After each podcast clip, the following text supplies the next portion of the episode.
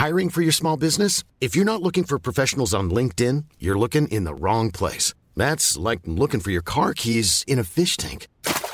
LinkedIn helps you hire professionals you can't find anywhere else, even those who aren't actively searching for a new job but might be open to the perfect role. In a given month, over 70% of LinkedIn users don't even visit other leading job sites. So start looking in the right place. With LinkedIn, you can hire professionals like a professional. Post your free job on linkedin.com slash people today.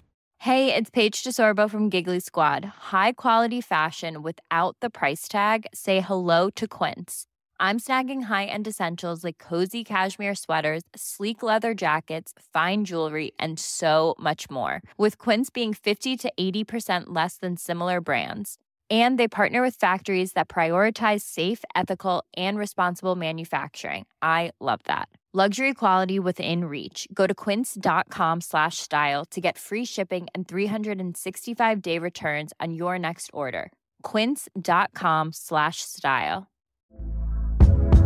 Hey there, it's Michelle Norris. I'm host of a podcast called Your Mama's Kitchen. When I travel, I'm usually looking for a way to find a taste of home when I'm not at home. And one of the things I love to do when I am at home is entertain. And Airbnb allows me to do that. When I was in California recently, I rented a house that had a great kitchen. And when we were sitting around the table, we're all thinking, we're in someone else's house. Someone could be in all of our homes as well.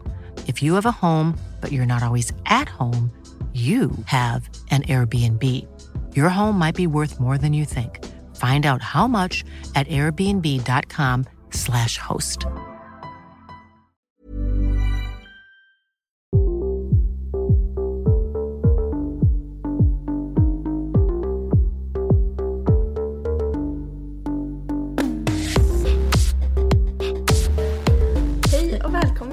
Varmt välkomna tillbaka till avsnitt tre. utav en podcast med systrarna Bergvika. Yes, och i det här avsnittet så blev det lite ändrade planer. Jag hade en tanke men sen kom vi på att vi faktiskt inte gjort en ordentlig presentation. Nej, vi har faktiskt inte berättat alltså våran historia tänkte jag säga, eller Nej. uppväxt och så som eh, jag tänker kan ändå vara till grund utefter mycket vad vi pratar om i kommande avsnitt. Ja, och nu tänker jag att nu kan vi liksom bryta upp varenda... Bryta ner varenda grej. Ja, Ja. det är kanske så man säger. Bryta ner varenda grej i liksom, ja men lite timelapse. ja. Mm. Så att ni verkligen får lära känna oss och eh, vår bakgrund. Ja, jag tror det är nog är många som känner oss eh, från de senaste bara åren i sporten. Mm. Medan kanske några fortfarande känner oss sen våra, vår barndom. Ja. Liksom. Så att eh, jag tänker att vi kör en eh, liten timelap hur, hur det har funkat. Hur Liksom. det har sett ut. Ja. Så jag föddes 2001 i Hölö som är i närheten av Nyköping. Ja. Där eh, ja, vi bodde då på Tull- Tullgårdens kungsgård tillsammans med eh, mamma, pappa, mina morbröder och Bengan och Lars som körde liksom hela lantbruket där på Tullgården med hästar och så tillsammans med min mamma. Och eh, ja, de började arrendera det långt före jag föddes eh, tillsammans med mina eller våra då, eh, mormor och morfar. Eh, Men de gick bort året innan jag föddes. 20, ja, 2000 blir det då. Ja. Eh, dog båda i cancer så vi hann inte träffa Dog dem någon gång. Dog båda samma år. Ja, de dog med ett halvår emellan Mm. varandra. Eh, men sen föddes du. Ja, jag föddes 2004 också i Hölö. Jag tror att jag hann bo på Tullgården ett år innan vi flyttade tillbaks till Bergåkra. För Bergåkra har alltid funnits inom familjen i flera hundra år tror jag. Ja, alltså det var där eh, våran mamma och morbröder och så Växte upp växte upp och Mm, även våra mormor och morfar liksom. I, ja, inte båda utan de bodde på varsitt sida berg. Ja, eh, Men så Bergåkra har liksom alltid funnits i generationer i vår släkt och familj. Ja, och det började som en svinproduktion med grisar och var en utav Skandinaviens största. Mm. Eh, Men de ville sedan expandera så då började de arrendera Tullgården parallellt då. Så Bergvika stod väl hyfsat tomt fram tills att vi flyttade upp igen. Mm, och jag tror väl säkert att mamma kände att nu när hon skaffar familj så är Bergåkra ändå en trygg punkt att vara på liksom. Ja. För eh, jag började ju gå på dagis i Södertälje Ja. och trivdes inte alls där. Det var nog en ganska stökig miljö och eh, så. Men mamma var också orolig för jag kom hem och bara “Jag förstår inte språket” och mamma tänkte så, åh nej liksom. Det, det är klart att det är mångkulturellt men de kanske inte förstår engelska och andra språk liksom. Men då var det mer så här, de förstår inte vad jag säger när vi ska longera och vad tränsosadel betyder. Mamma nej. Nej, vad konstigt liksom. Men eh, oavsett så flyttade vi upp till Bergåkra. Ja, och sen tror jag att strax efter det så kom vår lilla syster Olivia som föddes 2006 och hon föddes i Bollnäs. Nej, i Uppsala. Ja, För vår det var pappa är från kejsarsnitt. Ja, precis. Och pappa kommer från Uppsala också. Ja. Ja, men sen så började ju vår skolgång där uppe. Ja, uppe i Hälsingland. Ja, och sen därefter 2011-2012 där någonstans så skilde sig mamma och pappa. Mm. Nu hoppar vi, jag känner nu hoppar vi verkligen direkt in i... Det här Smeten, ämnet. ja. Ja, verkligen. Ja, och det blev väl eh, delad vårdnad. Ja, delad vårdnad och eh, många föräldrar håller ju sams och hittar ett sätt att eh, hjälpas åt med barnen och sånt här. Det var väl lite svårare mellan mamma och pappa. Mm. Just det här. Och jag kommer ihåg när jag var liten att vi tyckte det var så himla jobbigt att åka ner till pappa på helgerna. För vi ville inte vara i Uppsala på helgerna. Nej, vi Vi ville ju ville vara vara hemma. hemma. på våran gård och med hästar och djur och så, men att han gärna fick vara med. Liksom. Så det började väl liksom där.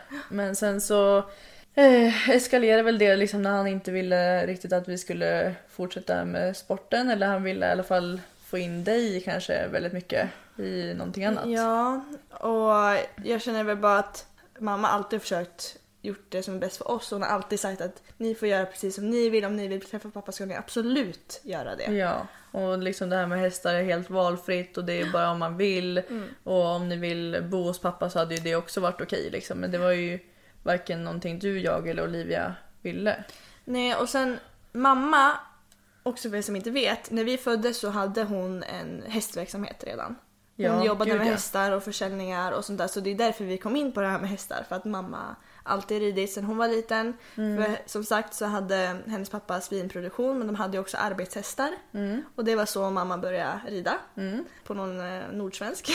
Vi kanske ska bjuda in mamma i podden då så får hon berätta. ja, det hade varit jättekul. Så att det var ju så mamma började rida och sen har ju hon jobbat med hästar då. I många Och det har år. väl liksom förts med i blodet till oss Ja, skulle man exakt. kunna säga. Så det är på så vis som vi också blev introducerade till hästarna redan när vi föddes i princip. Då hon var Mm. Ja, redo med en redan, i, redan i magen Ja, kan man redan i säga. magen. För hon red ju liksom hela tiden. ja. ja. Men ehm, så där är vi väl och då Ja, det blev lite svåra omständigheter när de skilde sig för oss barn och det blev väldigt mycket förändringar. Mm, det var väl framförallt att vi skulle vara i Uppsala då hos honom på helgerna. Eh, och att han skulle hämta oss på skolan liksom på torsdagar, alltså eftermiddagar och att vi skulle vara där fredag till söndag. Alltså jag börjar gråta där. Jag gråter. Gumman, det är okej. Det är bra att vi pratar om det här. Va? Ska det gå? Det Vi ska bara röra vid ämnet. Ja, men det blev ju ändå att... ehm, nu blir jag också rörd.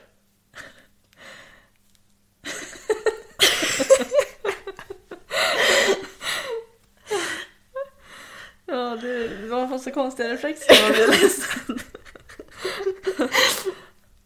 Jag vet inte varför jag blir ledsen, det är bara för att jag försöker sätta in mig i situationen men då blir jag ledsen när jag tänker på situationen. Ja, men alltså det som var en stor del utav våran uppväxt under de eller under alla de här åren som det har varit liksom skilsmässa och bodelning och olika eh, vårdnadstvister och så. Det var ju att det tog upp väldigt mycket tid och ja, vad ska man säga, alltså det tog upp en del utav vårt liv. Helt klart. Ja. Speciellt Ja.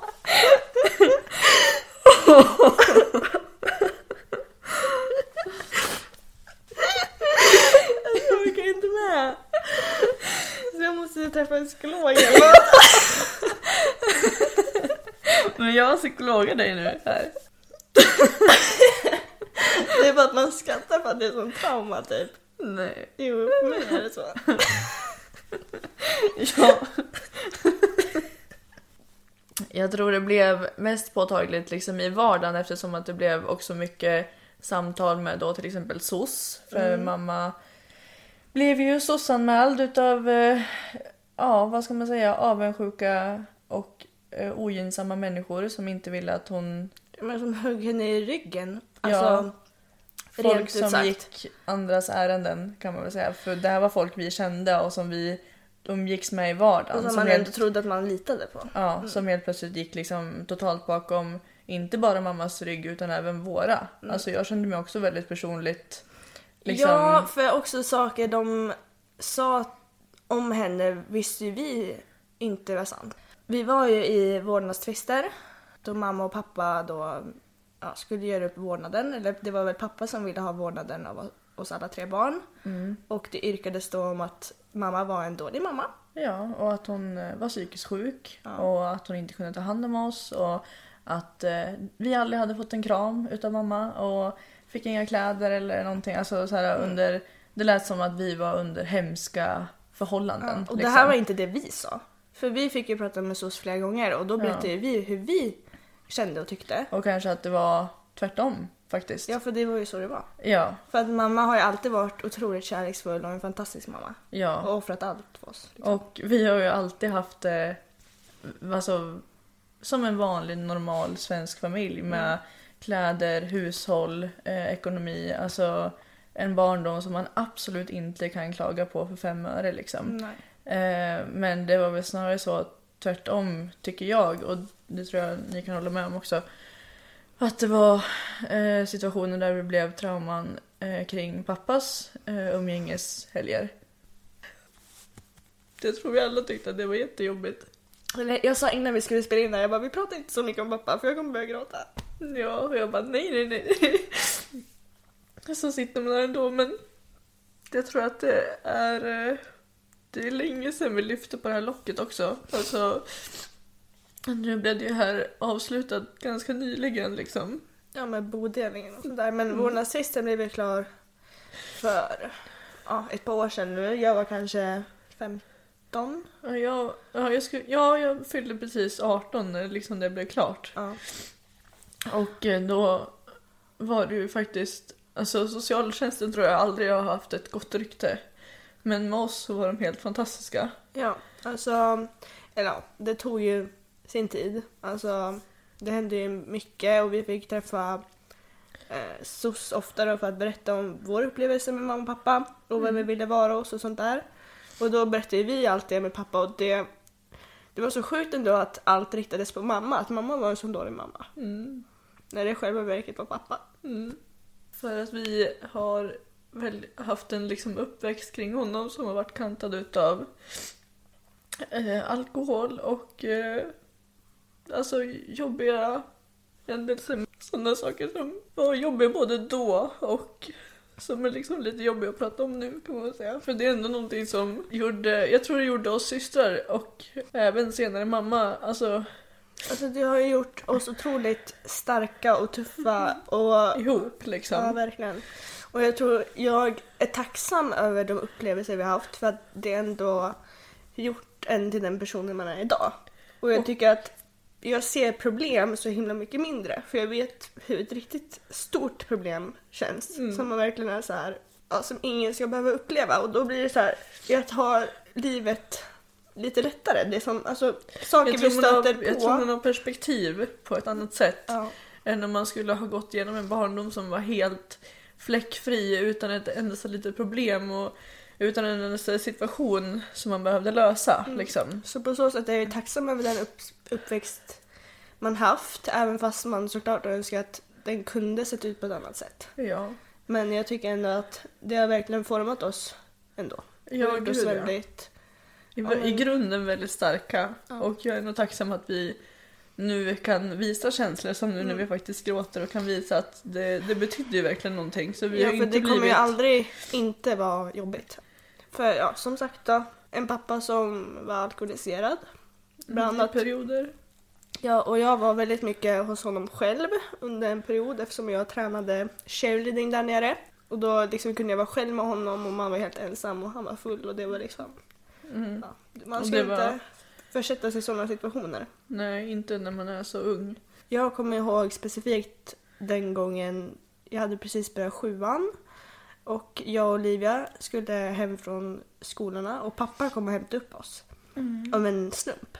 Vi visste inte att han skulle komma. Han stod bara där. Ja. eh, Så tänkte vi för att även fast det redan här då också hade hänt mycket grejer så litar vi ändå på att pappa ska kunna skjutsa oss hem.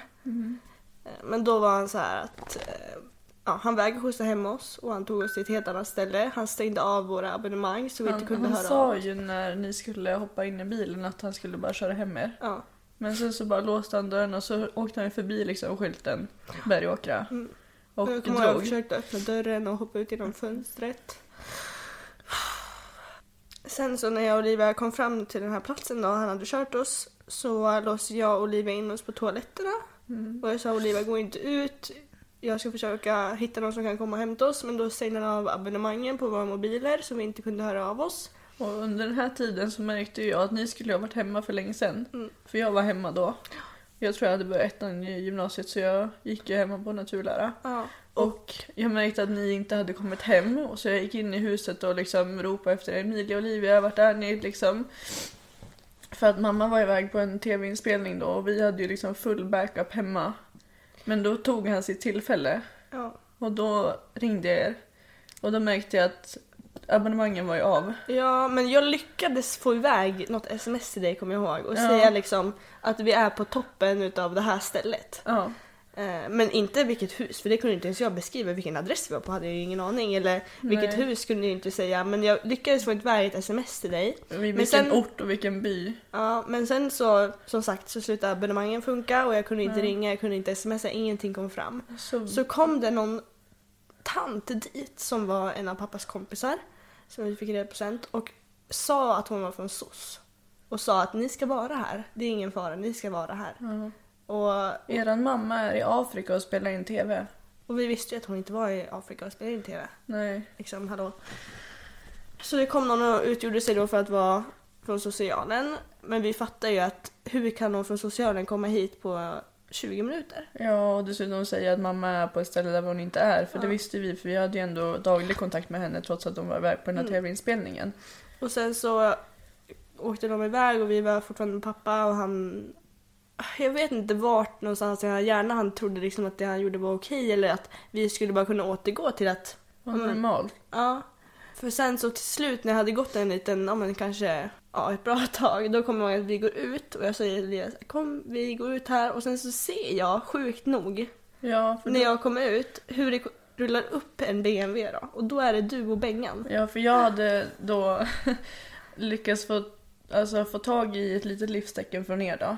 Att liksom ni var där ni var. Mm. Och, men vi visste inte vilket hus eller någonting så jag bara eh, hämtade Bengan för han var hemma eh, då under hela tiden och jobbade hemma. Så då sa jag bara vi måste åka hit.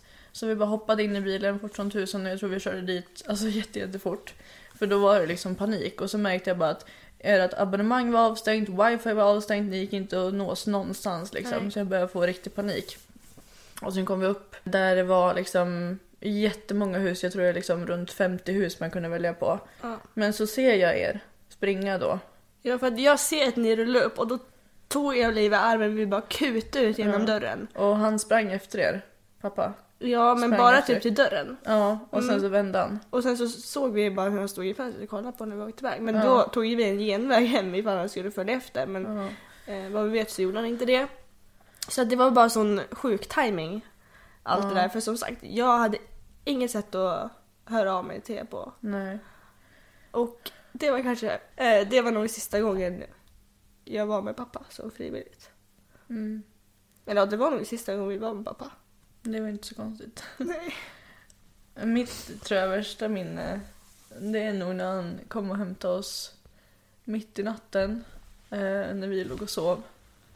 Och jag kommer ihåg att mamma liksom försökte stoppa honom både i trappen och i bilen och så när han liksom bar in oss i bilen och bara stängde dörrarna och jag kommer ihåg att vi alla grina och han bara låste dörrarna och mamma försökte få upp dörrarna och sen drog han därifrån. Och det var liksom på tiden innan man hade mobiler själv. Jag tror jag hade en iPod som jag hade fått från dig. Jag, alltså jag, det här är saker jag knappt kommer ihåg. Ja, ni var så liten och jag tror jag var typ 11, alltså det var 11-12 kanske. Ja, alltså jag måste ju varit Typ 8-9. 8-9 år. Och Olivia var ju ännu yngre då. Och då tog han oss upp till Åre. Vilket man kan ju tycka så här, åh vad fint liksom. Då hade han en tjej där med familj som också var där och åkte skidor. Som eh, man tyckte att vi skulle hänga med då. Så vi bodde där på ett hotell och vi systrar och han då delade ett rum. Och då tänkte ju han då att det var frid och fröjd och att vi skulle åka skidor och sådär. Men eh, eftersom att, ja det kan låta jättetöntigt men eftersom att han bara ville åka de här coola backarna med den tjejen och hennes söner som var duktig på att åka skidor så fick inte Emilia och Olivia hänga med utan ni fick ha en iPad och vara kvar på hotellrummet. Där de här, jag tror tre dagarna vi var där. Ja, jag var så liten där att jag typ inte förstod vad vi gjorde här. Jag kommer ihåg bara att jag och Olivia drack typ varm choklad och chillade på hotellrummet. Och sen Ja. kommer jag ihåg att vi sprang och letade efter pappa. Det var väl under en kväll specifikt där. Jag tror kanske bara vi var där i två, tre dygn.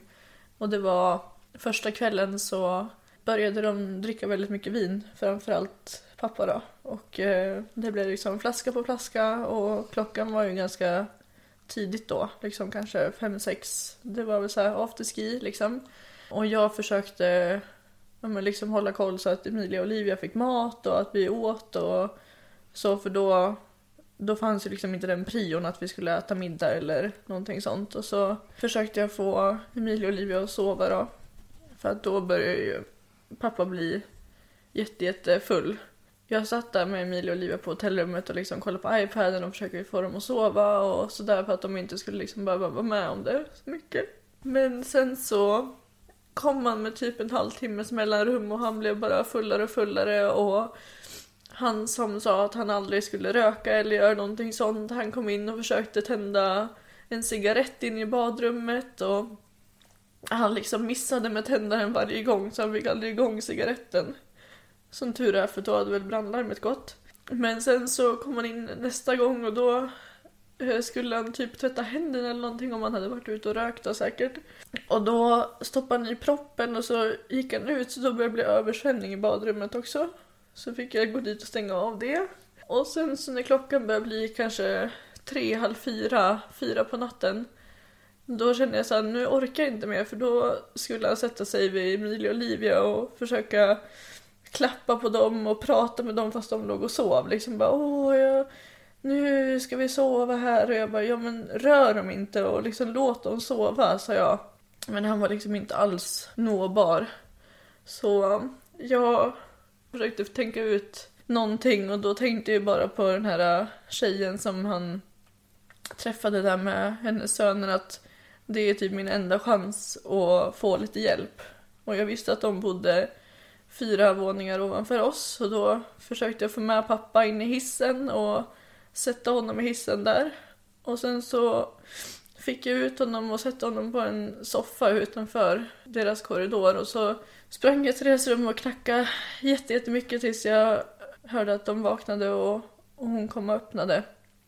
Och då så sa jag bara att snälla, snälla kan du, kan du hjälpa mig att få pappa att sova och liksom bara egentligen försvinna kände jag väl då men bara få somna liksom. Så att hon tog ner honom till rummet och fick väl honom i säng liksom. Och dagen efter så tänkte jag att nu hoppas jag verkligen att han har lärt sig en läxa att så här gör man inte mot liksom oss och mot barnen. Nej, alltså och... ett barn ska aldrig behöva ta hand om sin förälder på det här sättet. Alltså, Nej, inte när man är liksom egentligen aldrig någonsin, men speciellt kanske inte när man är bara 11-12 år.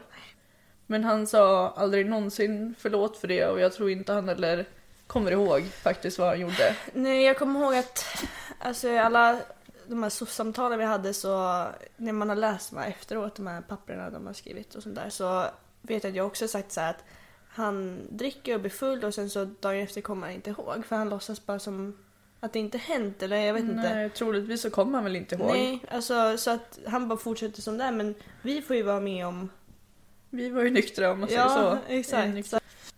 Ja, i alla fall när jag var typ 13 så försökte jag helt enkelt att bryta kontakten med pappa. Även fast det på den tiden eh, var att man inte fick välja vart man kunde bo förrän man var 14. Nu har jag för mig att det är 12. Mm. Men eh, då, då sa jag att jag inte ville vara hos pappa. Alltså egentligen hade jag väl flaggat för det innan. Nej, för jag började ju på cheerleading där nere. Jag har ända sedan jag var jätteliten varit väldigt intresserad utav gymnastik och ja, men så här, gjorde volter och gick ner i spagat och jag har alltid varit väldigt intresserad utav det. Och det finns ju, ja, Uppsala finns det ju mycket gymnastik och cheerleading som en av mina kompisar i Uppsala gick på och då fick jag upp ögat för det. Och jag fick eh, gå på en tryout och eh, sånt där och blev, eh, kom in i ett lag. Jag började träna cheerleading i Uppsala först två gånger i veckan när jag gick i Rangers hette det. Och tävlade och tränade i cheerleading och sen året efter så gick jag upp till en högre level, level 5 i Excaliburs hette det laget och då tränade jag tre gånger i veckan. Så under två år var jag alltså hos pappa minst två gånger i veckan men också så sen då tre gånger i veckan för att träna cheerleading och tävla i det då.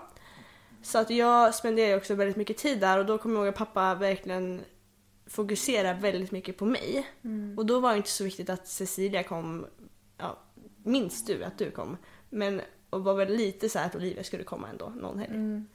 Men han eh, tog verkligen fäste om mig och jag tyckte jättemycket om cheerleading och eh, mina kompisar jag fick ut av det. Men det blev ju väldigt, väldigt mycket med skolan för att det är tre timmar med tåg, en väg, att eh, åka till Uppsala. Så att jag kommer ihåg att jag var ledig halva tisdagarna och jag hamnade väldigt mycket efter i skolan och jag fick väldigt mycket ångest.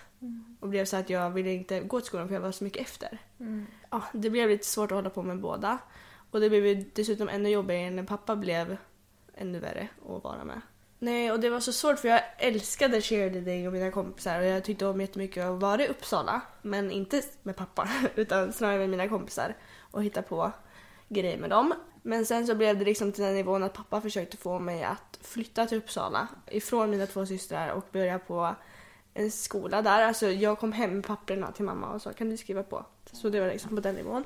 Då fattade jag liksom inte hur sjukt det var.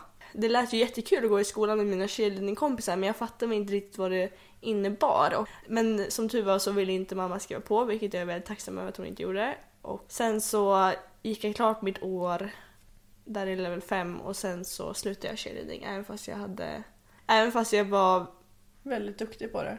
Eh, Ja, alltså mitt lag, vi tog ju SM-silver och vi blev bara bättre och bättre men eh, sen så det blev bara jobbigare och jobbigare än pappa så då sa jag liksom att ja, nej men jag slutar väl. Om jag fick en airtrack.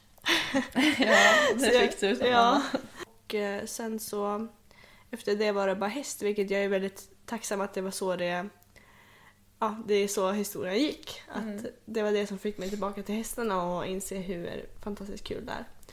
Men som sagt, tråkigt också på ett sätt. Mitt Ja. eh, lag då gick sen två år senare och tog VM-guld i USA, vilket var helt fantastiskt. Ja, var sak har sin tid. Idag så har ingen av oss kontakt med honom och mamma fick ensam vårdnad om mig och Olivia. Du blev ju Ja. 18. Och det var faktiskt, eh, även fast det inte var mamma som förde den här vårdnadstvisten så var det ändå socialtjänsten som bestämde utefter våra, liksom, Vittnesmål ja, våra vittnen liksom, som bestämde att det är mamma som skulle ha vårdnaden helt och hållet. Så det Mm. är ju jag oerhört, alltså det är ju vi alla oerhört tacksam för att socialtjänsten som kanske inte alltid har världens bästa rykte, de gjorde ju verkligen rätt beslut för oss. Eh, tack vare våra berättelser och upplevelser så tog de det Mm. verkligen på allvar. Faktiskt. Och sen han påverkade min skolgång också ganska mycket genom att jag blev antagen till en distansskola i årskurs 9. Ja. Och eh, det var ju liksom efter att vi hade brutit kontakten. Men jag försökte ta upp kontakten då och be honom skriva på. Mm, för det här var innan vi hade ensam vårdnad. Mm. Eh, så vi behövde, jag behövde båda målsmäns underskrifter för att komma in på den här skolan. Och våran kommun hade gått med på hela den här grejen och de var jättestöttande och ville verkligen att jag skulle liksom följa mina drömmar och kunna tävla på internationell nivå eh, redan under sista året på grundskolan.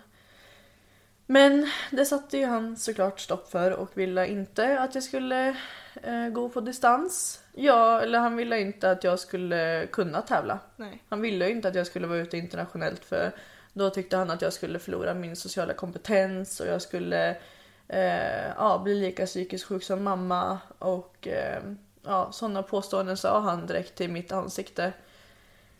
Vilket jag spelade in just då.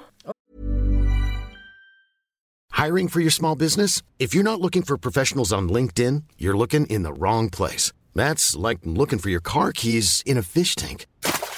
LinkedIn helps you hire professionals you can't find anywhere else, even those who aren't actively searching for a new job but might be open to the perfect role. In a given month, over 70% of LinkedIn users don't even visit other leading job sites. So start looking in the right place. With LinkedIn, you can hire professionals like a professional. Post your free job on linkedin.com slash people today. Hey, it's Ryan Reynolds, and I'm here with Keith, co star of my upcoming film, If, only in theaters, May 17th. Do you want to tell people the big news?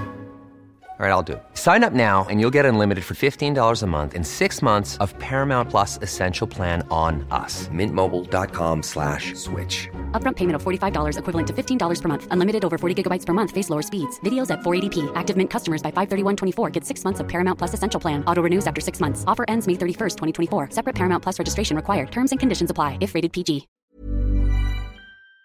och har kunnat haft med mig. Men det gjorde att eh, skolan jag gick på då i Arbro gjorde en helt fantastisk insats tycker jag och satte sig ner och hade ett möte med oss och gjorde upplägget att jag fick plugga in hela nian när jag gick sista terminen i årskurs åtta. Och eh, stöttade mig så att jag hade godkända betyg och ännu mer i alla, alla ämnen och så. Så de gjorde så att jag kunde ta examen eh, i årskurs 9 ett år tidigare än beräknat och kunna börja på naturlära och på så sätt kunna fortsätta tävla internationellt. Vilket Så var det- helt fantastiskt. Jag tänker med allt det här som har varit och som faktiskt har hållit på ända fram tills i våras i år 2023. Så ni kan ändå tänka er under 12 år så är det mycket som har liksom stött på patrull och som har begränsat oss väldigt mycket. Men också som tycker jag har visat på heroiska insatser utav till exempel då skolan. Som verkligen gjorde det möjligt för oss. Och en väldigt stöttande familj här hemma med mamma och morbröder och vänner. Jag kommer ihåg att jag la ut en text kring alkohol en gång på Facebook och skrev att det är det här som gör att jag inte har någon kontakt med min ena förälder eh, och varför jag inte blev bjuden på fester och varför jag har ett starkt motstånd till alkohol. Och då ringde hans kompis upp och hotade mig Ja. med alltså direkta hot. Och det här var en väldigt powerful man som äger väldigt stora företag och eh, finns över hela världen. Och som ja, hotade mig direkt på telefon att om vi inte tar bort det här så... Och då är du typ 14 år. Alltså jag var här- 14 år ja. Mm. Det var ju liksom att han eh, kunde vara så himla kärleksfull, snäll, säga liksom jag älskar dig, du betyder, du är allt för mig. Du är min finaste, vackraste, underbaraste dotter liksom. Och kunde behandla en som en riktig prinsessa. Men som också var så här hade också en helt annan sida. Men att han också kunde utsätta en för sådana obehagliga händelser.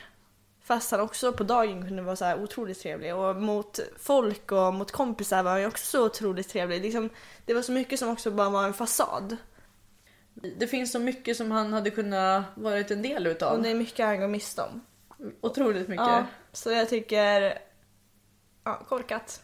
Ja, jag vet inte, det finns inte ord till Nej. det på något vis. Men, Men, det här tycker jag, det har ju varit liksom det blir säkert flummigt liksom nu när vi berättar om allt det här. Det är, lite det är så, här, så mycket som har halv- hänt så det är liksom så svårt att gräva upp allt igen och Det berätta. är liksom 12-13 år som man egentligen hade velat bara pressa ihop i ett poddavsnitt men Ja. det går ju inte. Så att det har varit så mycket händelser under alla dessa år som ja, vissa, har, vissa vågar jag inte ta upp liksom nu. Men Nej.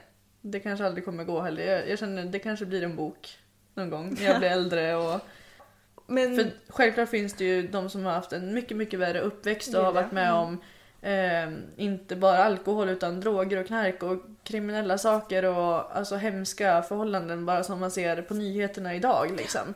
Men det här har också varit en del. Alltså, Ja, men jag tycker att det här har gjort oss otroligt ödmjuk. mm, Vilket jag alltid vill hålla fast vid. Jag har... Alltså om jag, om någon säger så här, du är så bortskämd, då vet jag att nej. För jag är så tacksam. Alltså så här, vi har gått igenom så mycket och vi är så tacksamma och vi är... Eh, vi tar ingenting för givet. Och det tycker jag är en fin egenskap. Jag tyckte faktiskt att det var ganska jobbigt när vi gick i grundskolan och många såg bara det yttre som att vi red och tävlade. Och sen så sa de Gud vad ni är bortskämda. Ja, Och så visste man bara Ja, jag är inte bortskämd men jag är väldigt lyckligt lottad. Ja, exakt. Ja. Jag kommer ihåg du skrev något blogginlägg när du var liten om så här, jag är inte bortskämd, jag är lyckligt lottad eller någonting Ja. sånt där. Och det, det är faktiskt en skillnad. För att Ja. vi, det här har gjort att vi faktiskt inte tar någonting för givet. Nej. För vi har varit på gränsen på att förlora, Allt. ja. Allt både... Och det är tack Går- vare den här personen, Personen. som ska vara vår pappa.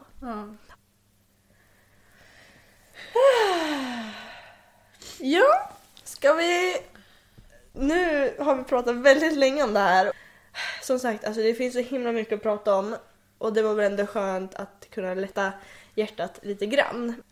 Ja, men jag tänker att vi ska prata lite om hästar vi har haft genom tiderna. ja. En liten, eh, också vår... Som också har varit en stor, stor del utav vår uppväxt kan man väl säga. Ja, det kan man verkligen säga. Så- För som sagt så jobbade mamma med hästar och drev verksamhet när vi föddes redan. Så att hästar har ju funnits sedan dag ett. Mm. Och eh, vi började ju vår karriär tidigt på hästryggen redan när vi låg i magen kan man väl säga. Ja, gud ja. Och sen så var i alla fall jag väldigt snabbt upp på en häst. Mitt första ridminne är väl att sitta framför mamma på Ja, olika min med, storhästar. Ja. jag tänker att vi ska prata helt enkelt om hästar som har varit väldigt eh, Betydelsefulla. ja, i Mm. våra liv och vår uppväxt. Liksom. Och då började väl min karriär på Shetlandsponnyn Smultrongårdens Anton. Och han var även min första ponny för jag fick ju ta efter han. Ja, ärva honom. Det är många ponnyer och hästar som du har fått ärva och sen Ja, Olivia. verkligen.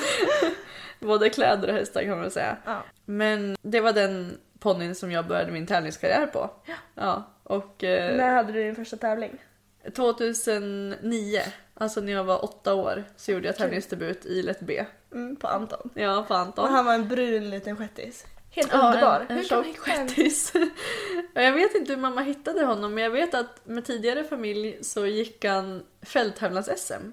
Och Kan massa, En, en, ja, en shettis gå på fält. ja, och alltså, massa tävlingar i dressyr och hoppning och fälttävlan. Så det var, alltså han var helt fantastisk. Och jag tror jag hade honom när han började bli riktigt gammal. Alltså typ 20, Ja, han måste ju varit typ 21. 21, Ja. 22. Och sen tog ju jag över honom och red honom och det finns någon video på Youtube, vilket det finns på dig också när du tävlar honom. Ja. Men det finns också när jag rider honom och det är typ en meter snö här hemma Mm. och jag rider till I love rock'n'roll. och det är en så himla gullig video. Då var jag sex år när jag red honom och då red man lätt och man gjorde halthälsning. man- Ja, gud ja. Ja. Det var ju serpentinbågar som inte utfördes helt korrekt. Men eh, ja, han var i alla fall eh, Ja, min första tävlingspartner kan man väl säga. Ja. Och sen hade vi ju två till kommer jag ihåg men det var med Olivia. Så Matilda Mm. hade vi och sen Bobo men Bobo fick vi sälja för han la sig ner. När man red. Ja. Och skulle rulla. Matilda är ju mamma till Barbie. Ja. Och Barbie, är ju Barbie. typ din YouTube-karriär Ja jag vet, verkligen. Barbie har ju varit med på min YouTube. För er som inte visste det så började jag med YouTube typ 2017 och jag kommer ihåg att Barbie var en stor del och hon fick typ mest visningar för att hon var så jäkla busig. Och en icon kan man säga. Ja, verkligen. Så att eh, ja, det, vi har haft några shettisar. Barbie äger vi fortfarande men nu Har vi sällskap till eh, den hos Josefin som är vår stallchef. Ja, så Ja. hon bor på andra sidan berget. Ja, perfekt avstånd. Verkligen. Men eh, sen så fortsatte det väl med att eh, mamma hade tre Kulltorpsponnyer som Ja, vi delade på. Som hon kö- Tre? Mm. Kulltorps Illuster, Helge och Isak.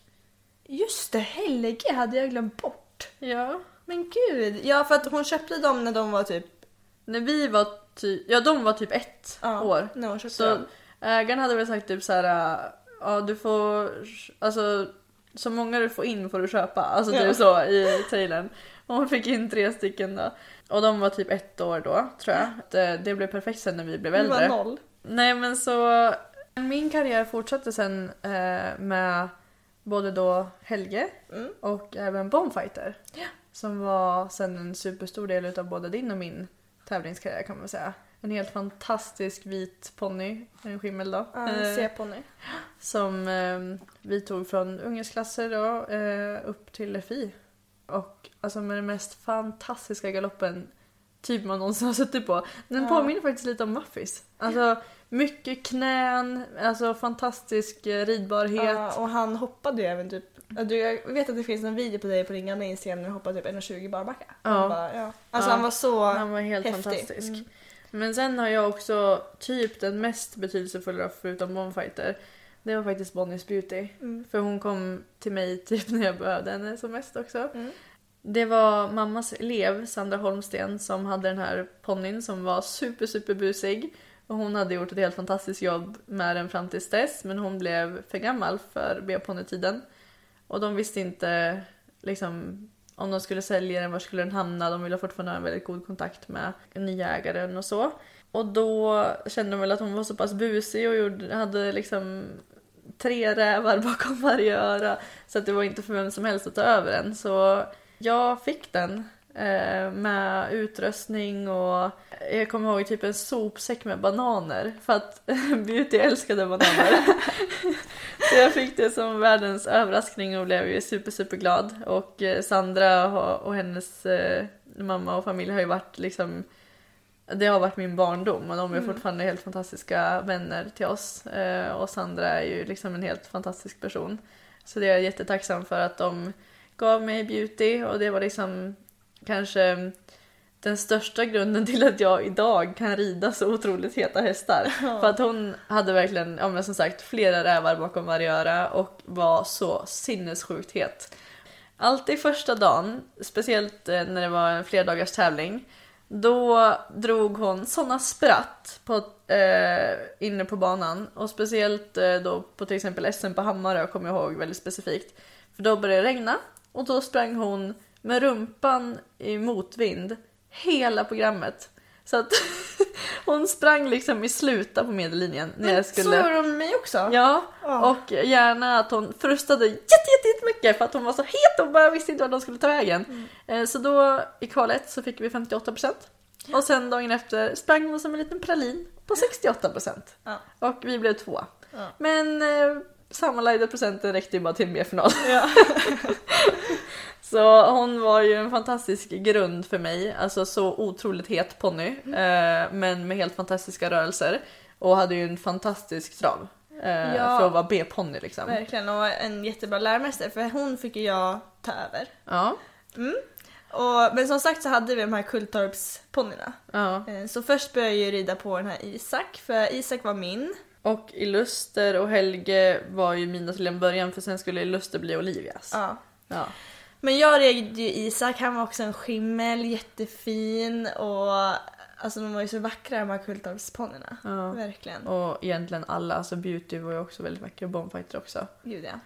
Så att eh, jag började rida han men fick ju också ta över Beauty för hon var ju en superläromästare och kunde ju vara så fin på träningarna men jag fick en liten tuff start på min tävlingskarriär med den här Beauty för jag åkte aldrig på någon meeting. Så det gick ju dåligt alla dagar som vi åkte på tävling. vet ni, för jag tror att ni var så envisa båda två. Så att det blev liksom en krock. Ja, nej för mig, ja, som sagt hon gick bara på tvären hela tiden och sen så kom jag ihåg att hon skulle typ stanna. Göra halt Och bajsa. och bajsa. Mm. Och ja, det gick ju aldrig bra. Jag kommer ihåg det var, det var lite jobbigt. Så. Men jag blev jätteglad en gång när vi vann på 59%. Men sen var det också gånger vi fick 45%. Ja. Alltså, Och med mig vann hon FI på typ 70. ja. Det var ju för att du var på meeting. Ja eller? Nej du var faktiskt endagstävlingar det också men då var ju jag äldre. Ja, Ja. Eh, för att jag var ganska, ja, jag tror jag gjorde min tävlingsdebut med henne när jag var nio.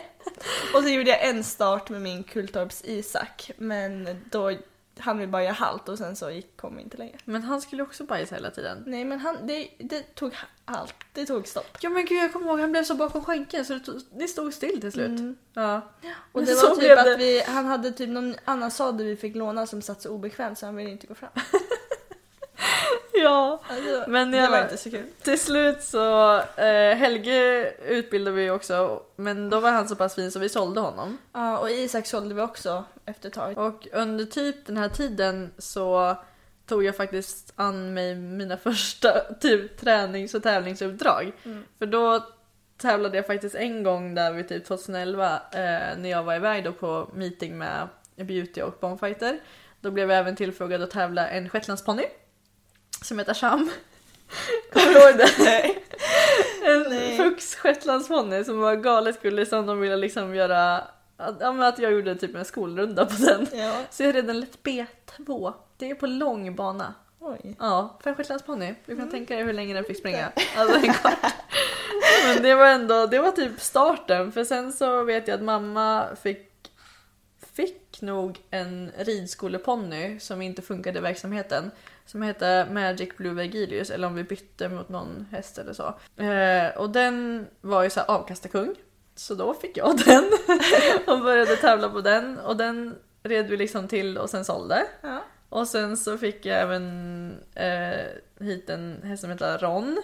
Det är ponny. du hade några sådana där liksom. Ja, på lite så här tränings och tävlingsuppdrag. Ja. Vilket var ju sjukt kul. Och sen har jag också en som betyder väldigt mycket för mitt självförtroende i hoppningen. Och det var Taipas Papiona. Ja, Som hon var, var- fantastisk. Ja, och det var Bombfighters moster. Hon hade ju gått SM i typ både fälttävlan och dressyr och var en helt fantastisk läromästare. Som eh, ja, jag fick lära mig jätte, jättemycket av. Hon red i lag i hoppning och det var liksom hon som startade min hoppkarriär för jag var livrädd för att hoppa innan dess. Men hon var sån maskin. Ja, alltså jag började ju också först med hoppning. Men sen hopptränade jag för dig. Så jag och Isak gick omkull och då ville Men jag inte hoppa. För du tvingade mig att hoppa ett sånt sockerbitshinder. Och då fick han inte över benet så då alltså så här, ramlade vi över det här sockerbitshindret. Men Och sen dess har jag varit jätterädd för Men det var också i slowmo, kommer du ihåg det? Att det gick såhär... Ja, men han var inte jätte... Energiskt. Nej. Nej. Ja, och sen så fick jag också ta över Bombfighter. Det är många hästar jag fick ta över från Cecilia, typ alla. Det är sånt att vara den yngre systern. Jag frågade Olivia då som har fått tagit över efter över efter Men hon över. har alltid varit lite mer hopp. Ja. Så att, ja. Men hon har ju hoppat då på alla. Ja.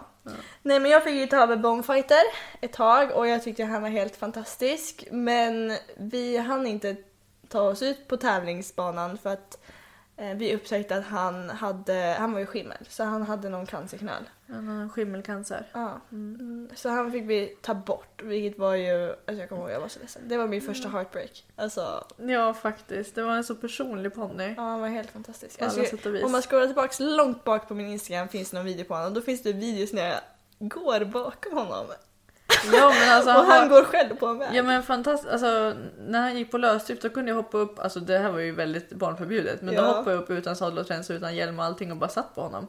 Ja, Ja, men det var alltså- så man höll på. Jag kommer ihåg jag satt på honom när han låg nere i hagen och man bara stackars Bobby. Alltså så. Ja, nog Men- du var lätt som en fjäder liksom. Men ja. Ja. Men sen så kommer jag ihåg att jag också fick eh, tävla på Olivias B-ponny Goran och han hade också fått från en ridskola. Mm. Det var en irländsk ponny och han var väldigt väldigt känslig så han liksom Och drog iväg i galopper och sånt där. Ja, och Eh, kastade av alla sina Så ryttare. det, han passar bättre med liksom en familj. Mm. Så Olivia fick honom och honom fick jag starta dressyr på. Och då var han ju så pass snäll så då liksom fick jag springa och vinna. Då tyckte jag att det var lite roligare för att med Beauty gick det ju som sagt bara på tvären. Men sen så tappade jag intresset lite för hästarna och det var ju här då jag blev så intresserad av cheerleading. Så att då började jag med cheerleading och då blev det lite break. Jag red fortfarande lite grann hemma på Beauty och sånt där men lite mindre tävlande.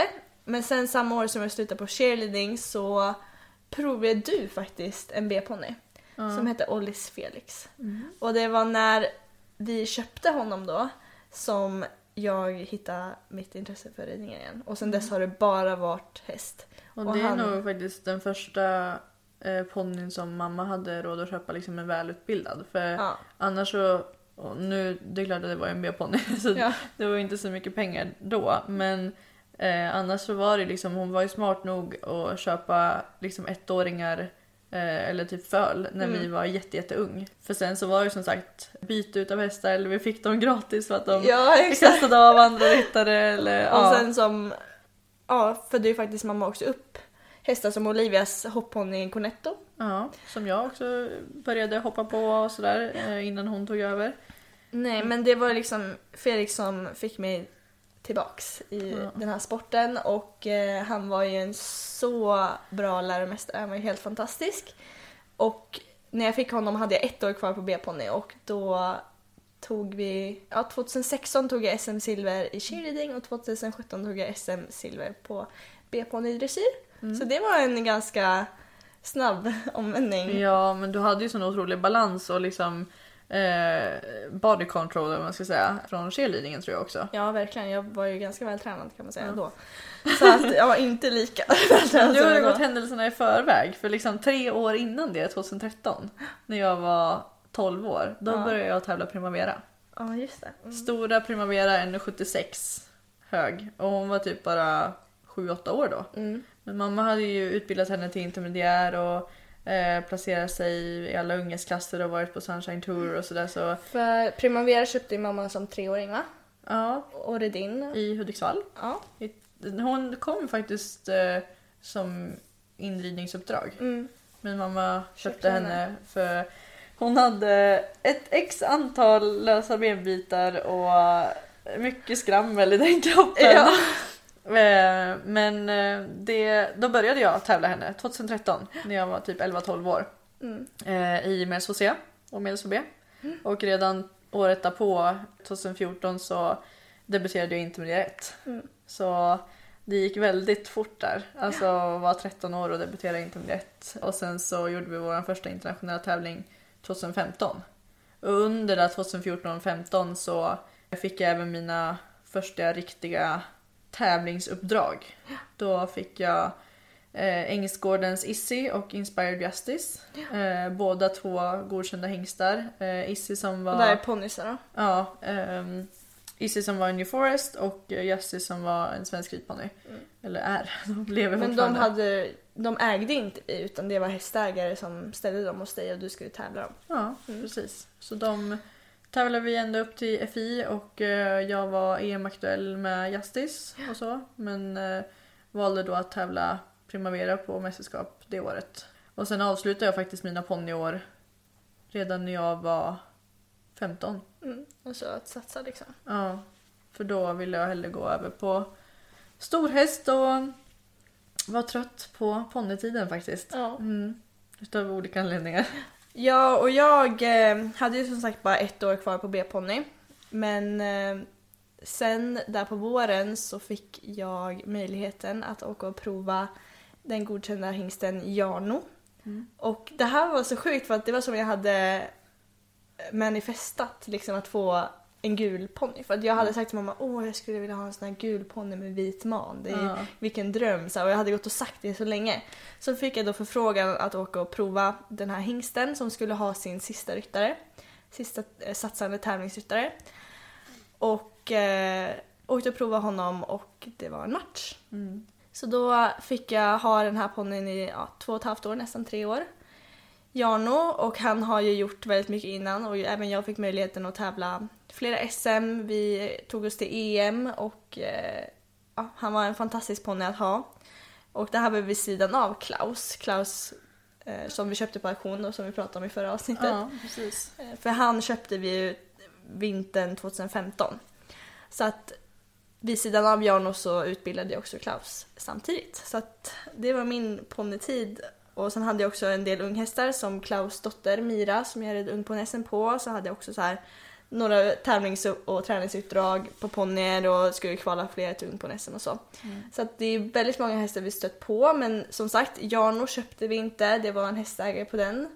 Och, samma egentligen med både Issy, Justice, Papiona, Eh, alla de här var ju liksom från eh, hästägare som vi antingen lånade eller hade på uppdrag. Eh, Ja, för det, det kanske ser ut som så här, oj, vi köper så mycket hästar, men det är egentligen sällan vi har köpt en utbildad färdig häst. Mm. Och det har ju varit fantastiskt att ha en mamma som har hållit på med hästar och som kunnat ja, hjälpt hjälpa oss. Ja. och både träna och eh, sitta upp ibland och har verkligen hjälpt oss med allt. Och liksom. gjort hästar till oss, som Primavera till exempel. Ja, Primavera. Och sen så eh, under 2015 där när jag... Eh, jag red ju ponny parallellt fram till 2017 om jag inte tänker helt fel. Under tiden så började jag rida Ido Kiss som är Zackens storebror. Och eh, debuterade honom på EM som Children och tog EM-silver. Vilket är ganska historiskt Ja, för det det är ingen som har gjort det än. Eh, och sen så fortsatte jag rida honom i, i svårklass som mamma redan hade gjort eh, på honom vid den tiden. Och sen såldes han till USA. Eh, och sen så red jag ju även faktiskt Amarant, Bergåkers Amarant som mamma hade fått upp. Mm, som Och- blev godkänd hängst. Ja, och eh, så mamma red i alla ungdomsklasser och var väldigt framgångsrik i det. Och jag red honom i en sån här hängstklass på bruksprovet, det kommer jag aldrig glömma. Men sen måste var- du berätta om Sessan, för det är många som undrar så här, vad är Primavera och Sessan idag? Ja, men det är så mycket som har hänt 2015. Det var, jag gjorde min första internationella tävling med Primavera. Jag var på EM Ido Kiss. Jag red Amarant på hängstklasserna i bruksprovet. Eh, jag började tävla mammas uppfödning Mackelyck Ja. i hoppning. Och i slutet på året, i typ september 2015, så fick jag Sessan. Och i december 2015 köpte vi Klaus. Så det hände jätte, jättemycket det året. Mm. Men Sessan kom till oss utav en väldig slump. Alltså, mamma hade en nära kompis som hade också skilt sig vid den tiden och eh, visste inte vart eh, hon skulle göra av den här hästen så vi bytte den mot en ung häst. På lite så här vinst och förlust för att ja, Sessan mådde inte så jättebra vid det tillfället. Hon hade inte varit hos någon superbra person i slutet innan hon kom till oss och ehm, ja, vi fick helt enkelt börja om lite från grunden. Hon hade mugg på typ alla fyra ben och det blev lite kroniskt på ena benet och sådär så det var någonting som vi fick hålla på med väldigt länge. Och eh, ja, våra första, vår första start gick bra i Medelsvara och Sankt Georg för vi skulle börja kvala upp oss och sen skulle vi göra vår första Grand Prix-start och eh, då regnade det på henne på framridningen. Så när vi kom in så var hon så spänd så hon stod bara på bakbenen. Så jag försökte liksom göra en skolrunda lite precis som jag hade lärt mig på beauty med de här heta hästarna. Att man fick liksom försöka rida igenom det och sen så eh, var det bara att utgå för jag visste att det fanns inga poäng kvar i poängskalan liksom. Och så blev det då med de två andra Grand Prix-starterna efter det. Så att våra tre första Grand Prix-starter utgick vi. Men jag var ju helt säker på att vi, jag visste vad vi kunde och hon var en helt fantastisk biaff och passagemaskin. Ja. Men det var ändå många som var väldigt kritisk till att jag skulle starta Grand Prix på Sessan. För du var ju bara 14 år. Jag var 14 år då och eh, det, det var en väldigt känd profil som eh, efter våra tre utgångna starter där hade kom och sa till mig att eh, du borde inte göra det här, du är alldeles för ung och eh, det här är ett livsmål med Grand Prix som du inte ska göra när du är 14 år. Och då så sa jag, ja, fast mitt mål är faktiskt att kunna ta upp flera hästar till Grand Prix om det är möjligt. Det är liksom mitt mål. Det är inte bara Grand Prix som är slutmålet för mig. Men hon kunde, inte, alltså, hon kunde absolut inte förstå det. Och eh, med en sån här stor profil som verkligen liksom skällde mig upp i ansiktet så blev man ju väldigt skraj. Liksom. Mm. Men jag en, valde ändå liksom fortsätta med Sessan och det gjorde ju att vi till slut vann Grand Prix special. Eh, Det var ganska tätta på faktiskt, bara några månader efteråt. Och eh, fortsatte sen vår karriär upp i U25-klasser internationellt. Ja, och, Och hon la ju liksom grunden till min Grand Prix-karriär kan man säga. verkligen. Och ni vann ju Falsterbo 25-klasserna internationella och Ja. ni hade ju en fantastisk resa och det måste ju varit en av dina hjärtehästar liksom. Ja, gud. Det kommer alltid vara min hjärtahäst. Jag är så glad att hon fortfarande mår bra och är i så fint skick och är nu dräktig med Mafioso. Så vi hoppas verkligen att få tillökning i vår. Ja, så det är det hon gör idag Ja, och eh, Primavera är ju glad pensionär. också. Ja, Men, jag fick ju ta över Primavera och det, ja, det var ju inte riktigt starten på min storhäst utan jag började ju med ett sto som heter Bella Rich Ja. och det var en jättesnäll, jättesnäll sto. Richfield sto. Ja. Så jag började lite smått rida på henne men ganska tätt inpå så började jag rida på Maja, my friend. Och det är en häst som Cecilia rider idag. Men då var Maja bara sju år. Eller hon var bara sex när jag började rida henne och vi gjorde vår tävlingsdebut. Mamma racade runt med henne först i Breeders Trophy Ja. och hon har alltid varit en otroligt het häst. Ja. Men sen som ja, hon var sex då, så kom hon på att ja, men vilken bra match med Emilia. Emilia kanske ska satsa lite på Children med henne. När hon var sju år då, det året. Ja, det det var lite upp och ner. Som sagt, hon var jättehet och mycket energi. Det gick lite upp och ner först, men sen så började det verkligen gå framåt i de här Children-klasserna och vi fick åka och rida internationellt, kommer jag ihåg, och tog internationella vinster. Och sen blev vi uttagna till NM och då vann vi de två första dagarna, sen sista dagen var hon lite, var hon som hetast. Ja, hon bockade ju hela långsidan innan ni red in på banan. Ja, och jag kommer ihåg att landslagsledare Marianne satt och Åh herregud! Alltså, Vi så- också. Ja. Håll i dig liksom. Men sen så går vi in i liksom perfekt halt. Ja. Och sen så bara kör vi. Men som sagt, sista dagen var hon som svårast. Ja. Så att då, Har så för som sagt hon energi. var ju bara sju år och det var värsta arenan med så mycket plats där i Drammen. Mm. Så att då um, blev det lite missar men vi tog ändå ett NM-silver och sen senare på sommaren tog vi SM-guld. Ja. Och hon, ja helt fantastisk. Men sen så, ja det var svårt för mig eftersom hon är så het att liksom kunna, jag försökte starta en juniorklass men hon var, ja det var mycket energi, man satt lite löst Ja. då ska- kan man säga. Och det var väl kanske tack vare det vi sa så här, men nu byter vi. Ja, så Cecilia tog Maja och jag tog Primavera för du hade också ja, gjort fantastiska starter, SM-medaljer, alltså EM. Primavera var ju ändå en stor grund också i parallellt med Sessan. Ja, för vi ja. tog ändå SM-guld, SM-silver, eh, två EM-brons i lag Ja. och var bästa svensk alla mästerskap liksom. Så att eh, hon har ju varit en helt fantastisk danspartner liksom. Ja. Det finns ingen som Primavera. Nej, och det var fantastiskt för mig att få ta över henne för vilken tuff läromästare. Alltså, jag, också så här, när man, om man kan rida Primavera då kan man nästan rida vilken häst som helst. Ja, för att, för det är ändå typ så här som jag sa med Beauty. eh, Hon var grunden till att jag kunde rida Sessan. Mm. Och Primavera är grunden till att jag kan rida alla hästar. På tygen. På tygen. Ja, Ja, för att och det- typ fram, alltså. Ja, alltså framför skänken och på tygen. Mm. För att det finns ingen bättre läromästare än Primavera. Eh, och lära sig hur man får en häst lösgjord och framför skänken på riktigt. Ja, för att Liksom alltså, ingen quick fix. Herregud vad man fick svettas. Alltså det var vissa dagar som jag inte kunde galoppera. Nej, Alltså, jag för hon kunde- var för lång i kroppen typ. Ja, och, ja för det gick absolut inte att galoppera på tygen. Nej. Men det gick knappt att galoppera alls. Och liksom, vi skulle ju sälja henne där vid något tillfälle men de... De fick inte ens upp henne i trav. ja. för att hon och absolut inte galopp. Nej, och de fick inte henne på tygen. Nej. Så de, eh, vi tog tillbaka henne och då var hon också som avstängd. Ja. Så att hon är verkligen en så otroligt personlig häst och var verkligen så här: okej om vi kan hålla sams då Mm. kör vi. Men om hon kände att hon inte vibar med någon då var det bara stopp. Nej, och det låter klyschigt att säga men det var så kul när vi var på EM i Spanien för som sagt jag fick ta över Primavera mina juniorår och hon, ja som sagt tuff läromästare men shit vad man fick lära sig rida på riktigt. Och tog mig till eh, ett EM och ett SM-silver. Vi vann även SM-finalen och internationella placeringar. Så hon, ja helt magisk men det var tufft och det var många ryttare som man känner hur, alltså hur ska man ens orka med det här? Men ja. Jag fick sån otroligt bra hjälp från dig och mamma och fick lära mig hennes knappar men Det är ändå... svåraste hästen jag har suttit på och när vi var på EM i Spanien så sa ju även en lagkompis till dig att jag provred Primavera och jag kände bara att vilken tur att hon blev kvar i er familj. Ja, för hon sa ju också det. Jag fick Ja. inte henne i galopp. Nej. Nej. Och det var kul att hon kunde liksom Att bara, hon hade den självdistansen, det var helt Ja. fantastiskt att de vågade säga det. För att det och vi skrattade ju allihopa till det Ja. och sa det är verkligen sant liksom. Mm. För Ja, att hon vissa- är så galet speciell.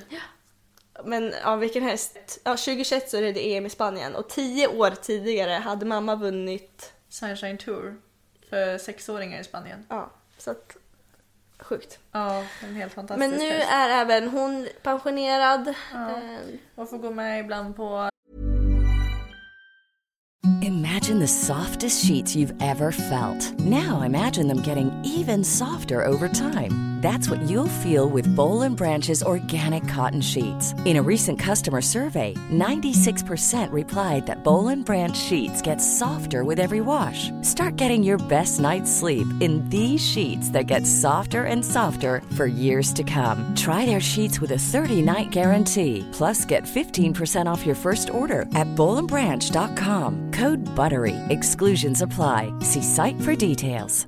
Even when we're on a budget, we still deserve nice things. Quince is a place to scoop up stunning high-end goods for 50 to 80% less than similar brands. They have buttery soft cashmere sweaters starting at $50, luxurious Italian leather bags, and so much more. Plus, Quince only works with factories that use safe, ethical, and responsible manufacturing. Get the high-end goods you'll love without the high price tag with Quince. Go to quince.com slash style for free shipping and 365-day returns. Hi, I'm Daniel, founder of Pretty Litter. Did you know cats tend to hide symptoms of sickness and pain? I learned this the hard way after losing my cat, Gingy. So I created Pretty Litter, a health monitoring litter that helps detect early signs of illness by changing colors, saving you money and potentially your cat's life. Pretty Litter is veterinarian developed, and it's the easiest way to keep tabs on your fur baby's health right at home. Go to prettylitter.com and use code ACAST for 20% off your first order and a free cat toy. Terms and conditions apply. See site for details.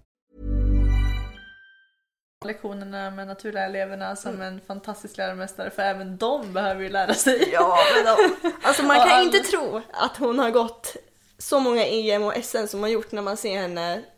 Bara gå runt i hagen liksom. Nej, alltså det, Nej. hon ser ut som en... En mammut. Ja. Ja. Nej men vilken speciell häst och fantastisk häst men det är kul att få se den gå tillsammans med Sessan och de får vara lite pensionärer tillsammans. Mm, och bästa kompisar som de alltid har varit. Och det är väl liksom under de här uh, ponnyåren och de tidigare, eller de tidiga storhäståren som vi har lärt oss allting kring tävling, företagande, logistik och allting sånt. För det är även, det är många ponnyer och hästar som vi inte nämner nu som har varit med under resans gång och som vi har lärt oss väldigt mycket av och gått på ganska många nitar i många fall. Det är en häst som jag tävlade upp i FI på över 70% alla gånger som eh, var en, ja, blev väldigt välkänd då som jag skulle sälja och eh, ägarna blåste mig på provisionen Mm. genom att ta, ta tillbaka den bara en vecka efter att den sen såldes Men till så samma blev det ägare. ju för mig också med en ponny jag kvalade till ung på SM. Mm. Sen så på grund av att den fick... Eh, vi hade klippt den en vecka innan ung på SM och då hade den fått som Regnskollor. regnskollor uppe på Utav ryggen. fukten. Mm. Och, eh, Så därför så kunde vi inte starta. Men då hade jag haft den här i träning och tävlat den i typ två, tre månader. Men sen eftersom att den inte kunde gå ung på SM så gjorde vi lite senare en försäljningsvideo. Men sen så hämtade hon ponnyn, Och sålde, Och sålde den. den. Men du fick inga pengar. nej hon Nej. betalade inte en enda månads Nej. grej. Så att vi det- har ju lärt oss väldigt Vi mycket har ju lärt oss utav jättemånga sådana här nitar där man har blivit blåst bara för att man är då ung Mm. och man är vid tillfället blond och det verkar ha någonting med hårfärgen och ögonfärgen att göra för att de tar oss för givet Ja. och eh, så här i efterhand så vi vet ju det jobbet vi har gjort och att det har gått så pass bra. Men ehm, det har varit en väldigt eh, bra grund. Alltså även fast man har gått på dessa nitar och varit med om mycket skit så har det ändå lagt en bra grund till att man nu skriver avtal och är väldigt noga med ekonomin och ehm, håller i ekonomin helt Och sen enkelt. har vi också stött på väldigt många bra samarbeten med folk. Ja, som, man fortsätter sträcker sig med. så länge och jag tänker som men till exempel Längsgårdens Issi Mm. och eh, ägaren där Ingela. Hon är ju som vår extra mormor. En helt fantastisk person som vi har så så nära kontakt och träffar ofta liksom. Även fast vi inte har någon ponny längre ihop. Ja, och sen så har vi ju som Per Marklund som vi har alla i-hästarna med och nu Ja. också Susanne och Per Lövgren. Mm, Alla i-hästar. Ido Keys, Isaac, Ian Pers, alla de liksom. Mm. Och då kan vi gå in lite på de hästarna vi har idag. Nu har vi pratat så himla länge men vi tar dem lite kort. Mm. Eh, Men det är väl Isak som jag började tävla eller Isaac säger man då för du hade ju en ponny som heter Isak. Ja. Eh, Isaac som vi säger Sacken till. Eh, han började jag tävla 2016 efter att mamma hade tävlat honom i Briders och Falsterbo och sådär. Och eh, började på Mels C. Och nu rider vi ju Senior Grand Prix och har precis gjort vår trestjärniga Grand Prix debut internationellt. Och jag rider ju Ian Pers då som de har ju samma mamma. Som jag har fått tagit upp lite nu mot svår klass så det är väl hon jag fokuserar på mest nu innan jag flyttar till USA för det är typ hon jag har kvar. Och fokusera på. Så att eh, vi har ju fantastiska samarbetspartners också. Ja. Och sen så har vi ju Firenze. Ja, som vi köpte tillsammans. Mm. Som är en godkänd hingst. Ja. Och nu äger CEO honom. Mm. En häst som du börjar tävla juniorklasser. Precis, och han har ju också en bra läromästare, också en häst man lär sig väldigt mycket av för att han var ju, men hade kanske lite problem när han kom. sin Liksom. kropp och Ja. så. Som vi har lärt oss himla mycket om kring hur man hanterar en sån häst. Mm. Helt enkelt. Med hälsotillståndet helt enkelt. Och välmåendet. Mm. Eh, Men en häst som är, har så mycket kvaliteter i grunden och som verkligen börjar bli pigg och kry och glad. Eh, Och som jag har startat och vunnit Intermedia 1 på Mm. nu faktiskt. Eh, Och eh, eventuellt att man kanske vågar på sig en Intermedia 2 start. Det tycker jag att ni ska göra. Ja. Så att det är också så här, även fast han kanske inte var den hästen vi hade föreställt oss när vi köpte honom Nej. så har han ju ändå gett oss väldigt mycket. Ja, och med tiden så har det blivit bra. Mm. Mm.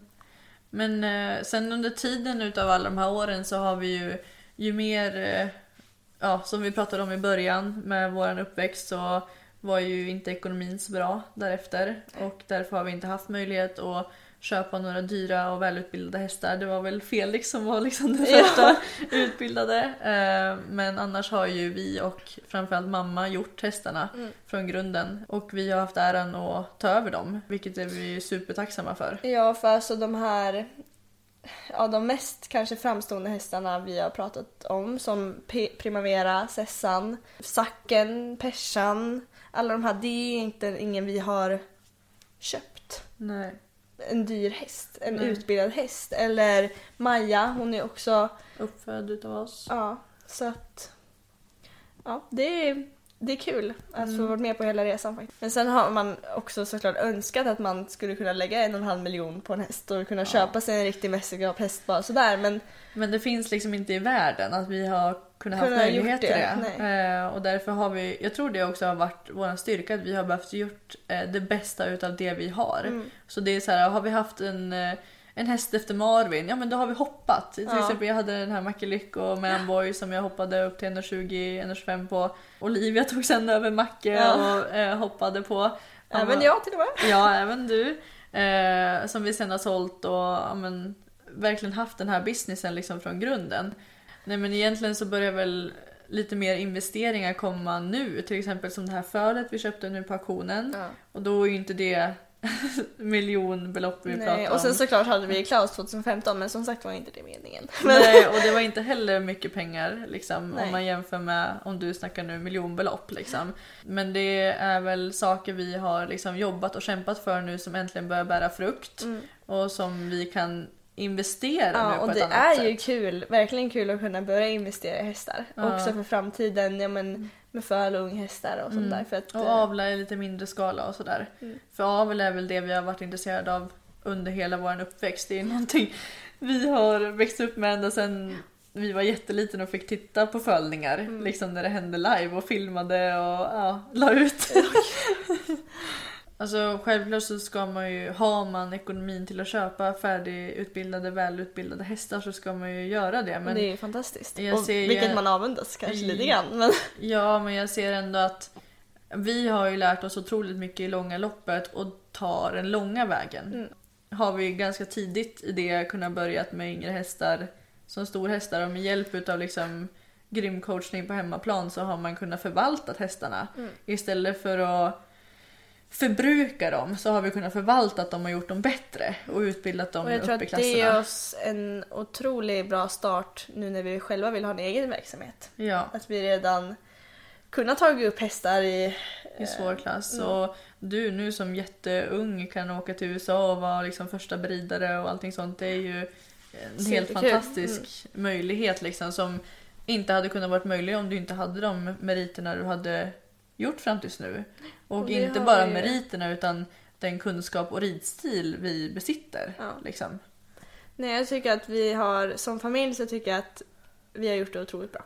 Och jag tänker att eh, nu är ju Olivia en stor del utav de här eh, berättelserna vi har pratat om, liksom vår uppväxt och så. Mm. Eh, så hon får väl säkert berätta om det själv också i framtiden och det hade varit eh, kul att ha med mamma också och höra hennes historia och uppväxt kring Tullgården och Bergåkra och sådär.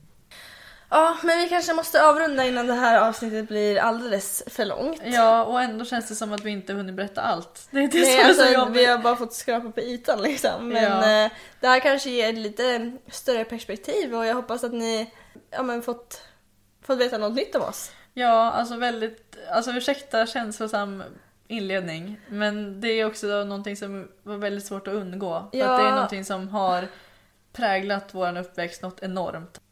Och sen så kan det kanske varit lite flummigt med det mesta av avsnittet. Men jag hoppas att ni Ett långt avsnitt. ja, som, kan eh, ha hängt med på någonting vi sagt i alla fall. Men vi har ju en podd som vi hoppas ska fortsätta länge och då kan vi, går vi gärna in på mer Detaljer. Ja, och berättelser. För nu har vi kanske... Vi har ju missat mycket- hälften. Ja, alltså det är också så himla mycket fantastiskt vi fått uppleva. Det hade varit kul att höra om din första internationella tävling eller bara såna här saker som... Ja, Ja, som du har varit med om. Mm. Typ dina cheerleading-tävlingar och hur det gick till och hur faktiskt det finns lite likheter eh, mot ridsporten. verkligen. Men vi får avrunda så, så får vi se fram emot nästa avsnitt. Men då... Kanske lite mindre tårar Ja. förhoppningsvis. Och sen så hade jag ju faktiskt förberett frågor inför det här avsnittet, men vi får ta det i nästa avsnitt. Ja, ni får stay tuned och Ja. tack så jättemycket för att ni har lyssnat hela vägen hit om ni har gjort det. Så um, hörs vi och ses vi nästa gång. Yes, hejdå! Tack så mycket för idag!